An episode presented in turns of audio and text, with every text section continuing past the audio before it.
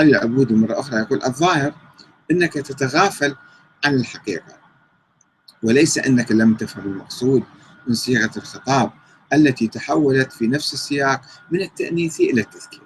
طبعا واضح. ولكن لأنه مثل ما الآية الأولى اللي خاطبت زوجة نبي إبراهيم في سورة هود سلام الله عليكم ورحمته أهل البيت.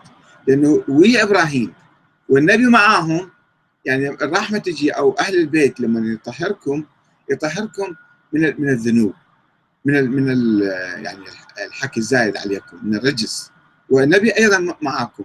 فصارت الخطاب صار آه، جمع مذكر. جمع مذكر لأنه النبي دخل معاهم. فأنت تدخل أي واحد آخر. يعني إذا تقول الإمام علي الحسن الحسين دول عظماء كانوا. أتقياء أبرار ورعين داخلين في هذا. مو مشكلة. ولكن ليش تخرج نساء النبي من الموضوع؟ يقول أنت بشوف لستن تقيتن كذا ثم يقول عنكم يطهركم. أما أن هذا الخطاب يشمل نساء النبي وجميع أهل بيته فله وجه من الصحة. ولكن أن يختص بهن دون أهل بيته المعروفين فهذا باطل قطعا. بل قال بنقيضه جملة من علماء الشيعة وبعض من علماء السنة. يعني الآن شوية تنزل يمكن أنه يشمل فله وجه من الصحة أنه نساء النبي هم يدخلن ليش طلعوا نساء النبي؟ هي الآية واضحة؟ أوكي طيب. ندخل نساء النبي وأولاد النبي أيضا. والإمام علي أيضا يدخل بالموضوع. بس لماذا حذفنا نساء النبي؟ لأنه صار فد فهم آخر مغلوط أنه الآية أسمى يعني تشير إلى الأسمى التكوينية. إنما يريد الله أن يذهب عنكم الرجس ويطهركم تطهيرا أنه خلاص أنتم مطهرين معصومين.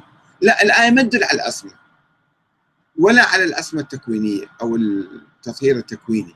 تدل على إرادة هالتشديد اللي جاء على النساء النبي وأهل البيت هو تشديد على آه، من أجل آه، تطهيرهم من حكي الناس من كلام الناس حتى حتى يتكلم عليه.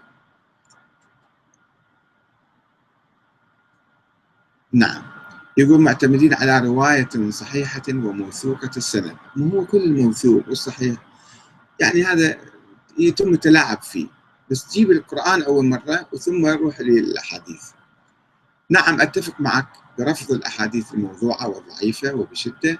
أيضا ما دام الصحيح دونها موجودا وافيا للبرهان. وليست السنة مهيمنة أو ناسخة للقرآن ولا يرتضي ذلك لأن الأخ ما يقبل وهذا أشكر عليه جدا. وأحسنت يا أستاذ علي العبودي. وخطوة اتفقنا يعني يعني خطوة إلى الأمام صرنا أه، أحاورك بأدب وروية وحجة مقولة عن صحيح القول وبيانه. فلا تتجاوز حدود الأدب معي رجاء. نعتذر إليك إذا أسأنا عليك. ولا كما قلت أنني أقرأ القرآن بالمقلوب. لا أول مرة قرأته بالمقلوب. لذلك قلنا لك أنه الأحاديث أه، سيطرت على الإنسان بحيث أخرج نساء النبي من الآية. يعني آه أنت بهالصورة هذه قرأت القرآن بالمقلوب.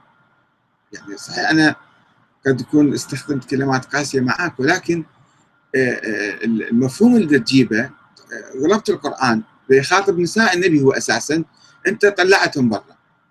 وليش تطلعهم برا؟ هو الآية دي, دي يركز عليهم أن أنتم آه، اهتموا بأخلاقكم بكلامكم مع الناس اعمالكم واللي تجيب حسنة إحنا يعني نجازيها بحسنتين واللي تجيب سيئة نضاعف لها العذاب. يعني هذا كان كل الكلام عن نساء النبي.